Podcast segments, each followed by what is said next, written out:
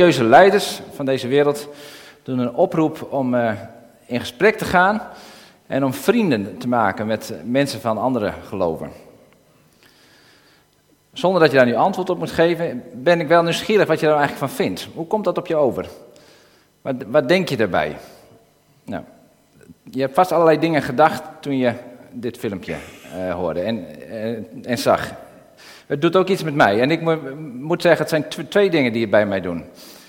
In de eerste plaats word ik er eigenlijk wel enthousiast van. Dat is eigenlijk mooi, dat religies niet elkaar gaan bevechten en stenen gooien en bommen op elkaar gooien.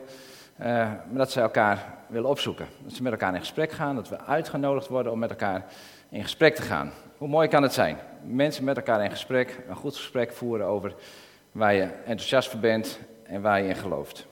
Dat is de ene kant, mijn enthousiasme, het willen omarmen. En aan de andere kant ben ik ook wel een beetje van, ho, wacht eens even. Gaan wij hier uh, in gesprek met andere godsdiensten? En wat willen ze nou straks? Willen ze nou straks ook dat we één grote godsdienst gaan worden? En ik, ik, ik ken niet al die verschillende godsdiensten, maar een aantal van die godsdiensten ken ik echt wel. En dat lijkt echt niet op het christendom. En ik ga ook echt niet uh, overgaan tot moslim of zo. En als u denkt, Harry laat zo'n filmpje zien straks, wat wil hij nou van ons? het valt mee. Ik heb wel mijn, mijn mening daar duidelijk over. En ik heb ook mijn oordeel wel over allerlei verschillende godsdiensten die er zijn. Dus aan de ene kant vind ik het heel mooi. En aan de andere kant ben ik, ho, wacht eens even. Dit moet niet te ver gaan. Hier heb ik wel mijn mening over. Aan de ene kant de toenadering. En aan de andere kant afhouden. Ho, dit moet niet te ver gaan worden. Nou, dit is een uitwerking van waar ik mee wil beginnen. En dat zijn die twee bomen die uh, in de Hof van Eden staan. Ik denk dat het daar een en ander mee te maken zou kunnen hebben.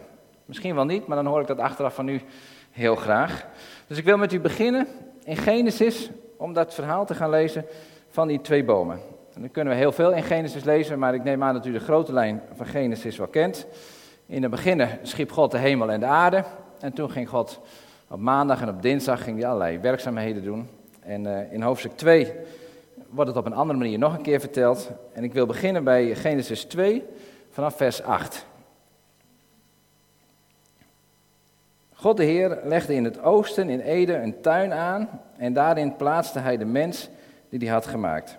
Hij liet uit de aarde allerlei bomen opschieten die er aanlokkelijk uitzagen, met heerlijke vruchten. In het midden van de tuin stonden de levensboom en de boom van kennis van goed en kwaad. Er ontspringt in Eden een rivier die de tuin bevloeit. Verderop vertakt ze zich in vier grote stromen. Eén daarvan is de Pison, die stroomt om heel Gawila heen, het land waar goud gevonden wordt. Het goud van het land is uitstekend en er is ook balsemhars en onyx. De tweede rivier heet Gigon, die stroomt om heel Nubië heen. De derde rivier heet Tigris en die loopt ten oosten van Assyrië. De vierde tenslotte is de Eufraat. God de Heer bracht de mens dus in de tuin van Eden om die te bewerken en erover te waken. Hij hield hem het volgende voor. Van alle bomen in de tuin mag je eten, maar niet van de boom van de kennis van goed en kwaad. Wanneer je daarvan eet, zul je onherroepelijk sterven. En dan ga ik met hoofdstuk 3 verder, vers 1 tot 7. Van alle in het wild levende dieren die God de Heer gemaakt had, was de slang het sluwst. Dit dier vroeg aan de vrouw, is het waar dat God gezegd heeft dat jullie van geen enkele boom in de tuin mogen eten? We mogen de vruchten van alle bomen eten, antwoordde de vrouw, behalve die van de boom in het midden van de tuin. God heeft ons verboden van de vruchten van die boom te eten of ze zelfs maar aan te raken. Doen we dat toch, dan zullen we sterven. Jullie zullen helemaal niet sterven, zei de slang. Integendeel, God weet dat jullie de ogen zullen opengaan zodra je daarvan eet, dat jullie dan als goden zullen zijn en kennis zullen hebben van goed en kwaad. De vrouw keek naar de boom. Zijn vruchten zagen er heerlijk uit. Ze waren een lust voor het oog. En ze vond het aanlokkelijk dat de boom haar wijsheid zou schenken. Ze plukte een paar vruchten en at ervan. Ze gaf ook wat aan haar man die bij haar was, en ook hij at ervan. Toen gingen hun beiden de ogen open en merkten ze dat ze naakt waren. Daarom regen ze vijgenbladeren aan elkaar en maakten er lendeschorten van. Nou, toen kwam God en die ging met hen in gesprek. Dat sla ik ook even over. En dan vers 22 ga ik verder tot 24.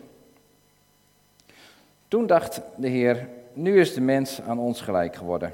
Nu heeft hij kennis van goed en kwaad.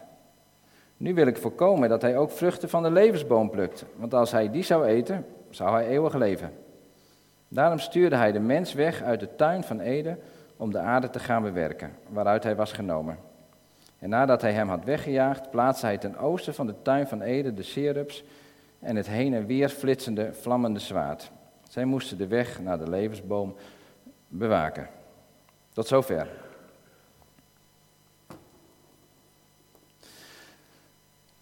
Een bekend verhaal, denk ik. Um, en wat zie je? God die maakt de hemel en de aarde. En dan uh, in het oosten daarvan zet hij een paradijs neer. Het aardse. En als je dat zo leest en als je dat een beetje bekijkt, dan is dat een werkelijk waar een mooi oord. Als we het straks over vakanties hebben, dan zou dat een mooi plekje zijn om uh, naar op vakantie uh, te gaan. Eden betekent wilderigheid, geluksland. Dus het is het land waar, waar heel veel van het goede is en waar het geluk te vinden is.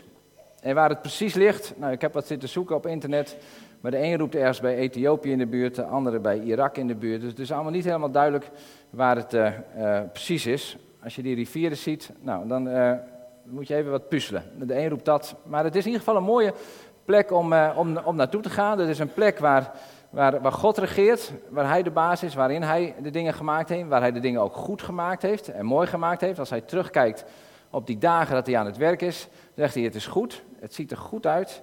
Het is een plek waar geen pijn is en waar geen verdriet is, waar vrede is en waar je s'avonds, als de zon ondergaat, heerlijk met God kan wandelen en uh, van Hem heel veel dingen kan horen. Het is de plek waar wij als mensen, of waar de mens, Adam en Eva, gesteld is. Waar die is gekomen en waar God heeft gezegd van, dit moet je gaan bewerken, hier moet je voor zorgen en dit moet je mooi houden. Niet dat we daar de baas zijn, want er was maar één baas. En dat was God zelf. Maar je zou kunnen zeggen dat we een soort subbaas waren. Want wij moesten ervoor zorgen, wij als mensen waren de kroon van de schepping. Om op deze schepping van God te passen en mooi te maken. Maar hij was de baas. En hij bepaalde hoe het ging. Hij bepaalde wat goed was. En hij heeft het uiteindelijk gemaakt. Nou, geweldige plek. Een mooie plek om naar te vlangen. Een mooie plek. Jammer dat hij weg is. De geleerden zeggen van door de zonvloed is die, uh, is die weggegaan, of hebben het nog niet ontdekt. Nee, je kan met Google kun je op een gegeven moment die plaatjes, je kunt ze heel die afzoeken natuurlijk met die foto's van die satellieten of je hem kan vinden. Maar mensen kunnen hem nu niet meer vinden. Een hele mooie plek. En midden in die paradijs heeft God twee bomen gezet.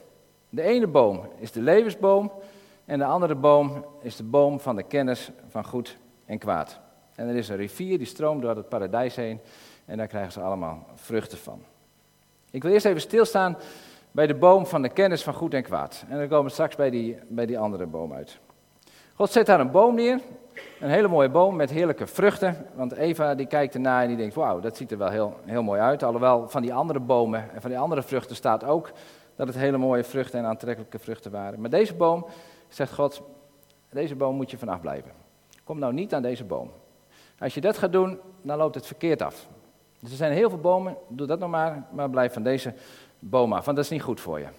Dan moest ik denken, ja, nou, dat, dat, dat lijkt een beetje als je ouder bent en je hebt kinderen, en de kinderen zijn wat groter, en ze hebben nog geen rijbewijs, dan zeg je van, hier liggen wel de autosleutels, maar pak ze nou niet en ga nou niet auto rijden, want je hebt nog geen rijbewijs.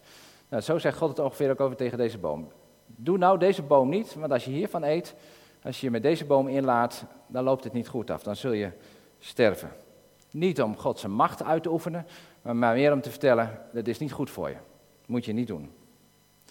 Maar als je dat eet, dan krijg je kennis van goed en kwaad. En dat kennis slaat hier niet alleen op het intellect, dat je op een briefje kan schrijven wat goed en kwaad is.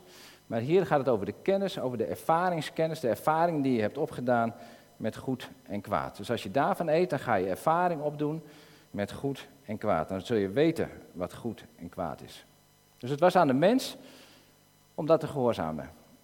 Eigenlijk was de boodschap van, als je nou niet van die boom eet, dan gehoorzaam je mij. Dan erken je mij als meerdere, dan erken je mij als God boven jou, dat ik het te zeggen heb en dat gehoorzaam je mij. En als je wel van die boom eet, dan laat je daarmee zien dat je mij niet gehoorzaamt en dat je je eigen baas wil zijn. En Eva komt bij die boom en ik neem Adam tegelijk mee, want ze zijn allebei even verantwoordelijk. En die slang die staat daar en die slang ja, dat is de Satan. En die heeft eerder al geroepen van ik wil gelijk zijn aan God. Dus die had al het voornemen van ik wil niet gehoorzaam zijn, ik wil mijn eigen baas zijn, ik wil mijn eigen God zijn. En zo nodigt hij Eva ook uit om van die boom te gaan eten. En dan krijg je wat je wilt. Adam en Eva eten van die boom en ze krijgen uiteindelijk wat ze willen. Want ze kozen ervoor om niet onder de heerschappij van God verder te leven, maar om een eigen koninkrijkje te starten. Want wat staat er? Ze zijn geworden zoals ons, zegt God. Ze zullen als God zijn. En wat is dat? Dat ze hun eigen baas zijn geworden.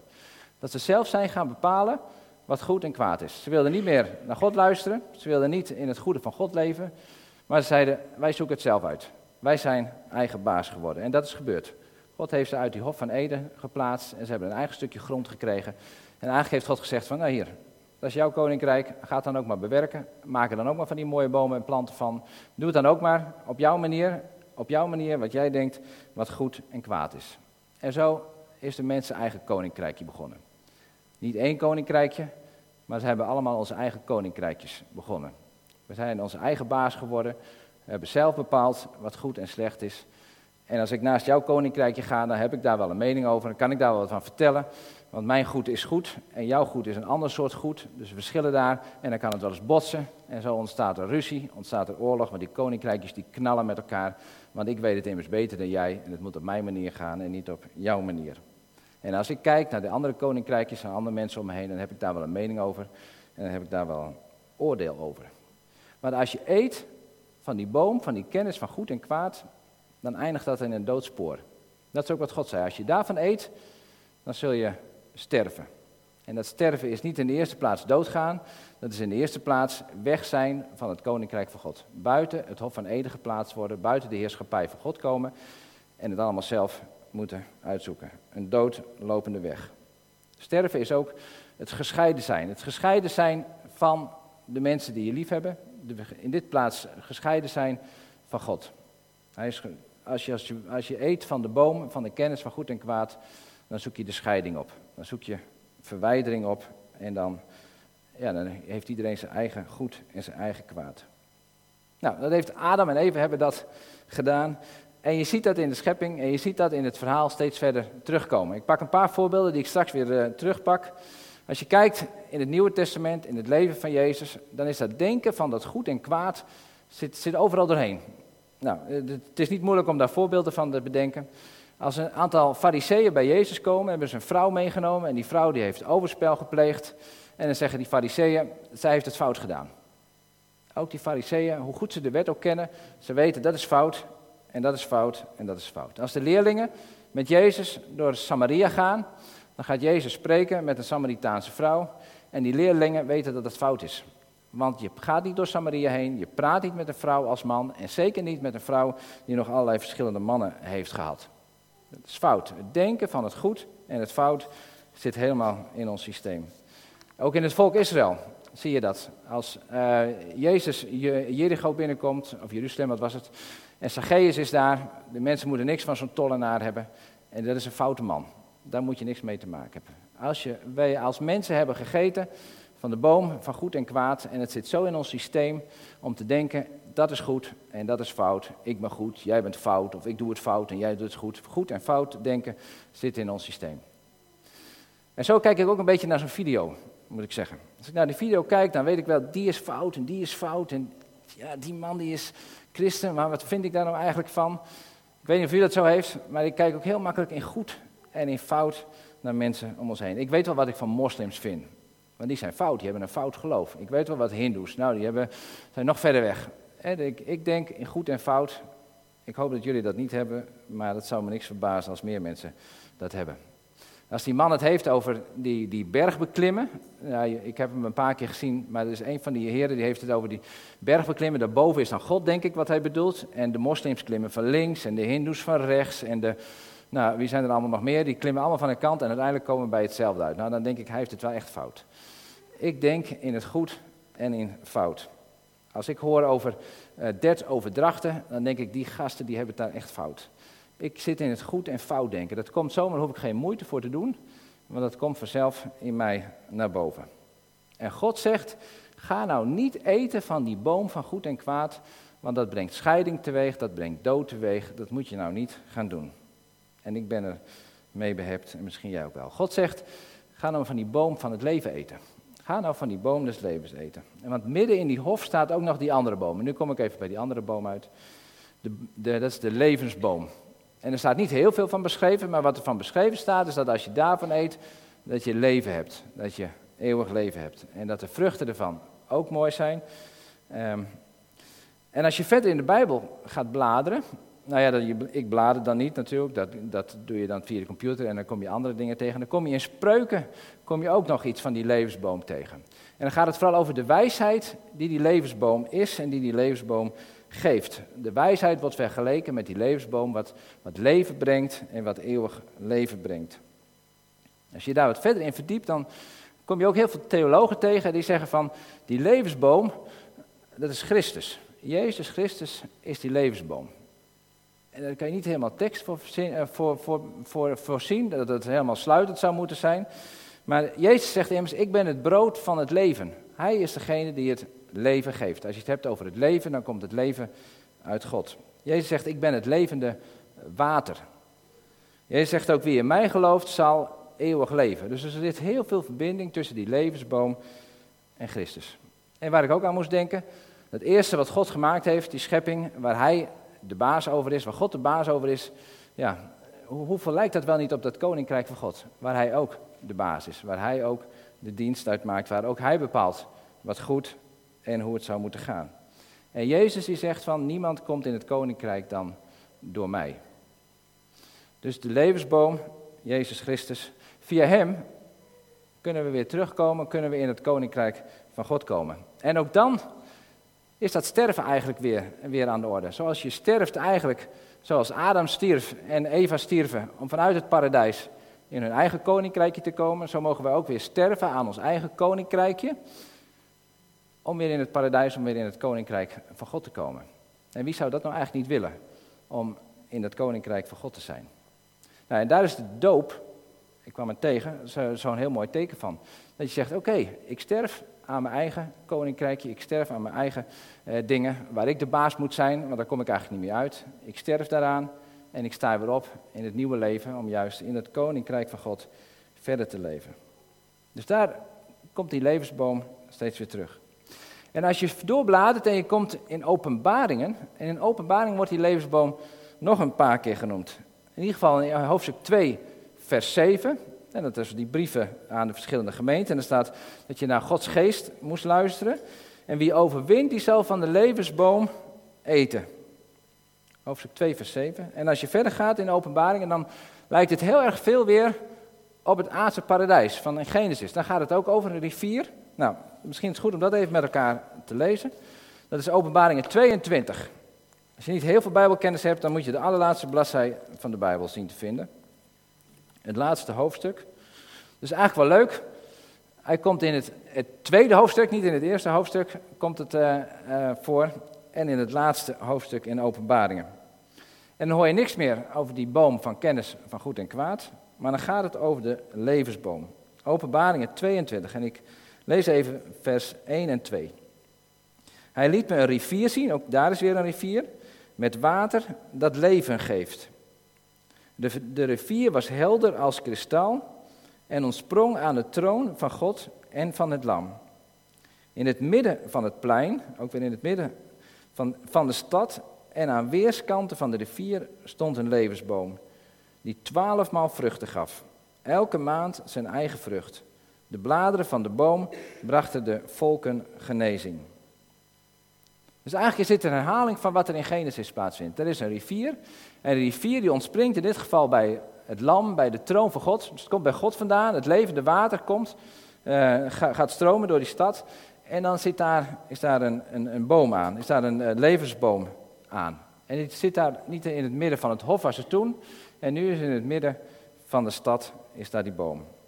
En is heel mooi, het gaat eigenlijk niet meer over één boom, het gaat over een geboomte staat. Dus het gaat om verschillende bomen. En aan die rivier die leven geeft, staat die boom. En die boom die geeft twaalf maal per maand, eh, nee dat is weer te veel. Twaalf maal per jaar geeft hij vrucht. En die bladeren die geven genezing. Dus het is een geweldig mooie boom. Zo'n boom, ik heb niet zo'n grote tuin, maar die zou ik wel in mijn tuin willen hebben. Die twaalf maal vrucht geeft, die genezing geeft en die leven geeft. Dus als we het hebben over die boom van leven, die levensboom, dan is dat een geweldige, mooie boom waar het leven van God volop in zit. Ja, er wordt niet voor niets gesproken, dan zal je eeuwig leven hebben, voor altijd leven hebben. En dat is ook heel logisch. Want als er geen dood in zit, dan blijft het natuurlijk leven. Dan blijft het leven. Die levensboom die schenkt leven en die verbindt mensen aan elkaar. Die boom van goed en kwaad, die verwijdert mensen van elkaar. Maar als je bij die boom van leven blijft, dan verbind je je aan elkaar. Nou, zo'n boom wil je wel van eten en zo'n boom wil je wel in je tuin hebben. En dan pak ik even die voorbeelden terug die ik net noemde uit het Nieuwe Testament. Want die fariseeën, weet je die fariseeën die hadden die vrouw van overspel hadden ze, uh, meegenomen. En die, je zou kunnen zeggen, die fariseeën die aten van die boom van kennis van goed en kwaad. Die aten dan, die zaten er nog vol mee. Die, zeiden, die vrouw heeft het fout gedaan. En dan komen ze bij Jezus en dan hopen ze dat Jezus ook zo gaat reageren. Maar Jezus reageert niet vanuit die boom van goed en kwaad, maar Jezus reageert vanuit het leven. En hij schrijft op de grond. En Jezus gaat niet oordelen. Je staat, het staat er zelfs letterlijk in dat gedeelte. In, uh, wel genoemd waar dat staat. Nou, kan je straks navragen aan mij. Jezus die oordeelt niet. En hij zegt tegen die fariseeën, diegene die zonder zonde is, die moet de eerste steen maar werpen. En wat doet Jezus? Hij oordeelt ook niet. En wat doet hij? Hij geeft die vrouw eigenlijk het leven terug. Volgens de wet had die vrouw veroordeeld moeten worden en gestenigd moeten worden, samen met die man overigens. Maar Jezus geeft deze vrouw het leven terug. Als Jezus met zijn discipelen in Samaria is, dan uh, had Jezus die vrouw kunnen veroordelen. Want die heeft het echt verkeerd gedaan en de Samaritanen die hebben ook allerlei dingen gedaan wat niet had, had mogen uh, gebeuren. Maar Jezus gaat niet in het oordeel zitten. Jezus gaat in het leven zitten. Hij geeft deze vrouw weer ruimte. Hij gaat met die vrouw in gesprek. En wat zie je? Deze vrouw die komt tot bloei, komt tot leven en die gaat naar haar buren toe om te vertellen van het leven. Jezus kon Zacchaeus ook veroordelen. Want hij had echt veel geld gestolen van andere mensen en dat is echt vet fout. Maar Jezus deed niet. Hij ging eten. Hij ging bij de Zacchaeus op bezoek. En wat zie je? Door het leven te geven, gaf hij het leven weer door. Want Zacchaeus vergoedt aan allerlei mensen die hij tekort heeft gedaan. Jezus reageert vanuit die boom van leven en niet vanuit die boom van goed en fout, van, goed, uh, van, van veroordeling. Hij zegt niet van, ik wil er niks mee te maken hebben, maar hij omarmt de mensen. De, hij omarmt de mensen die het goed fout gedaan hebben, zou je kunnen zeggen. En heeft Jezus daar dan geen, geen mening over? Interesseert het dan helemaal niet dan wat die vrouw gedaan heeft of wat Zacchaeus gedaan heeft? Jawel. Tegen die vrouw zegt hij ook, en zondig niet weer. Het, het, is niet te sprake dat hij zegt van, nou ja, ineens ben ik de wet vergeten, ineens weet ik niet meer wat goed of fout is. Nee, maar Jezus kiest ervoor om van die boom van leven te eten en om daarvan uit te delen. En zo kiest hij de relatie boven het oordeel. Hij komt niet met het oordeel naar mensen toe, maar hij kiest voor de relatie. Want in die relatie met hem geeft hij het leven, geeft hij de vrede en is er toekomstperspectief. Nou, wat kunnen wij daar dan mee? Nou, misschien is het niet zo heel moeilijk om de verbinding te leggen, maar nou ja, wij zijn wel mooi klaar mee in ieder geval dat Adam en Eva van die boom gegeten hebben, want nu zitten wij ook in dat goed-fout denken. Ik kan niet voor jullie spreken, maar ik heb voor mezelf gesproken. Ik herken het in ieder geval wel. En heel makkelijk heb ik dus ook mijn, mijn oordeel over andere mensen. Ik heb soms maar twee seconden nodig om een vlijmscherp oordeel over iemand te hebben. Dus ik ben er heel goed in getraind. Nou, misschien jullie wel wat minder. Maar ik merk ook dat dat verwijdering geeft. Als ik een oordeel over iemand heb, dan vind ik het moeilijk om met iemand in contact te komen. Want ik vind wel dat hij het fout heeft, of dat hij het niet goed doet. Of dat ik het zelf niet goed doe. Dus ik zie die verwijdering die, uh, die we ook gelezen hebben. En ik zie ook dat er schuld ontstaat. En dat er soms ook schaamte ontstaat. Je ziet dat ook als Adam en Eva, die verdwijnen in de hof ook achter de bladeren. Die verstoppen zich voor elkaar achter die vijgenbladeren. En daarin zie je gelijk al die verwijdering. En soms dacht ik, als ik een oordeel over een ander heb, dan heb ik het vaak meestal over mezelf. Want dan wil ik mezelf beschermen, want dan denk ik, oh ik heb het toch niet fout. Dus dan, als ik dan een ander oordeel, dan heb ik het in ieder geval over mezelf, hoef ik het niet over mezelf te hebben. Maar gelukkig kunnen we bij die levensboom, want Christus brengt ons bij God. Christus brengt ons bij, bij dat leven. En dat zie je in openbaringen, wat we met elkaar gelezen hebben. Dat we ehm, bij die levensboom mogen komen. En misschien moet ik dan mijn eigen voorbeelden ook wel aanpassen, dacht ik. Ik heb dat voorbeeld genoemd van die video. ehm, waarin ik heel snel mijn oordeel heb. En dacht ik, hoe zou dat nou, nou anders kunnen? En toen zag ik een filmpje, dat laten we niet zien, maar van de, de, de Lazarus Tour. Zegt jullie dat wat? Ja, niet dat je Lazarus bent, maar de Lazarus Tour, dat is een tour van uh, een paar mensen die kennen dat. Dus zeven minuten een verhaaltje over zeven verschillende onderwerpen. En ik vond het heel mooi hoe iemand daar, uh, die heeft misschien deze film, nee, heeft deze film niet eens gezien. Maar hij zei, ik ben niet geïnteresseerd in religies. Ik ben niet geïnteresseerd in christendom. Ik ben niet geïnteresseerd in het hindoeïsme. Ik ben niet geïnteresseerd in het jodendom. Ik ben geïnteresseerd in, in christenen. Ik ben geïnteresseerd in moslims. Nee, zei hij. Daar ben ik eigenlijk ook niet in geïnteresseerd. Ik ben geïnteresseerd, dan is je nieuwsgierig natuurlijk wat ik nou ga zeggen, maar ik ben geïnteresseerd in het verhaal wat mensen met God hebben. Hij zegt, ik wil niet stikkeren. Ik wil niet die tot moslim stikkeren en die tot die stikkeren en die tot die stikkeren, want dan ga ik vanuit mijn vooroordeel naar de ander kijken. Ik wil met mensen in gesprek over hun verhaal met God. En ik wil in gesprek gaan en ik wil mijn verhaal met hen ook delen. Om samen te delen wat we hebben. Dus dat vond ik heel mooi om anders te denken dan over het oordeel denken. Ja, toen ik dit aan het voorbereiden was, ja, ik kan me nooit heel lang concentreren, dus dan zit ik alweer op andere websites te kijken. En toen zag ik op de website van het ND, zag ik ineens uh, dat de Griffmeerderkerk vrijgemaakt, uh, voorgestemd hebben dat vrouwen nu ook mogen spreken. En dat ze ook ouderling mogen worden en ook diaken. En ineens dachten ze, we doen alles maar bij elkaar. En dan zie ik daar die foto staan. En dan um, met een paar handen omhoog. En dan lees eronder, deze mensen hebben tegengestemd. En dan ga ik kijken en dan begin ik eigenlijk weer een beetje te oordelen. Van, oh. Dan dacht ik, hier, daar heb ik het zelf alweer. Dan ben ik alweer bezig om te oordelen. En misschien moet ik wel heel anders kijken. Die mensen die daar een hand omhoog hebben gestoken. Misschien kan ik daar nog wel heel veel van leren. Die willen zo ook hun best doen om bijbelgetrouw te zijn. Ook al krijgen ze de hele rotzooi straks over hun heen. Dat ze zijn ouderwets of weet ik wat. Ik denk dat ik daar ook nog heel veel van leren kan. Om mijn verhaal met hun verhaal te delen.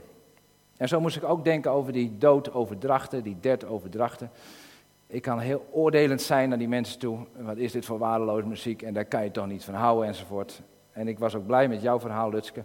Maar dat zit daar helemaal niet in. Wat er gebeurd is, is het leven verkondigen. Het leven uitspreken over mensen. De verbindenis zoeken. En het, juist het, goede zoeken, de zegen zoeken voor de mensen. Nou, dat is leven vanuit die boom van, van het leven. Nou, zo kan ik nog heel veel leren om steeds weer ervoor te kiezen om te leven vanuit die boom, uit die levensboom. En steeds meer te stoppen met het eten van die boom van kennis van goed en kwaad. En ik eindig dan ook met twee vragen aan jullie van, van welke boom eet jij? Eet jij van de boom van kennis van goed en kwaad? Of eet jij van die levensboom? En de andere kant, wat zien mensen aan jou? Want wat je eet, dat laat je, dat laat je ook zien. Zien mensen aan jou dat je het leven verkondigt? Dat je het leven laat zien aan anderen? Zijn het vruchten van leven die jij uh, laat zien? Of zijn het vruchten van oordeel? Vruchten van fout en fout en ik weet het beter. Nou, die vraag wil ik je meegeven voor, bij de koffie voor komende week. En uh, ik had er nog één aantekening bij gemaakt, denk, dat wil ik toch heel kort zeggen. Het, het heeft geen zin om te zeggen van, en nu wil ik niet meer oordelen. En nu wil ik niet meer van die boom van kennis van goed en kwaad eten. Dat is dat verhaal van dat, van dat kind. Ken, kennen jullie dat? Kinderen die loopt met zo'n met zo'n uh, mandje, hoe zeg je dat? Zo'n dienblad met koffie en thee erop. En dit loopt hij naar de kamer en die ouders roepen, niet laten vallen, niet laten vallen, niet laten... En wat doet het kind? Het laat het vallen. Dat moet je als ouder niet roepen, dat roep je wel heel makkelijk. Nee, je moet zeggen, goed vasthouden, goed vasthouden. Dus je focust op wat er moet gebeuren. Je moet zeggen wat je wel moet doen. En wij roepen heel vaak, we moeten niet oordelen, we moeten niet oordelen. Ja, voor je het weet, ben je dan aan het oordelen. Want wat is het de, de tegenovergestelde van, van oordelen? Daar heb je het dan niet over. En dat is best een lastige. Het tegenovergestelde van het oordelen is leven. Het leven verkondigen. Het leven vertellen aan mensen. Dus focus niet op wat je niet moet doen, maar focus op het leven wat we door mogen geven, wat God ons gegeven heeft. En als je dan aan die stromen bent van het levende water, dan word je daar wel vol van en dan is het God die het in jou doet. Dan is het niet je eigen harde werken, want dan zit het weer je eigen koninkrijkje te doen. Maar dan met je poten in die rivier en dan zuig je vol en dan kom je vol van Gods leven en van Gods kracht. Zullen we met elkaar bidden? Dank u wel, Vader in de hemel, dat u ons het levende water geeft. Dat we daaruit mogen drinken, dat we daar steeds meer in mogen zijn. omdat u ons leven vult. Heer, en dat er uh, allerlei dingen die niet van u zijn, dat die eruit mogen komen. Heer, en dat we volkomen van uw leven, van uw vrede en van uw, uh, uw nabijheid. Heer, en zo bid ik dat we als gemeente, maar ook ieder persoonlijk, dat we in die levensrivier onze kracht halen, Heer, onze, ons leven mee vullen. Zodat we de vruchten van leven aan mensen om ons heen laten zien, wat weer nieuw leven brengt en wat verbinding brengt. Heer, zo uh, bidden we daar uw zegen over, in Jezus' naam. Amen.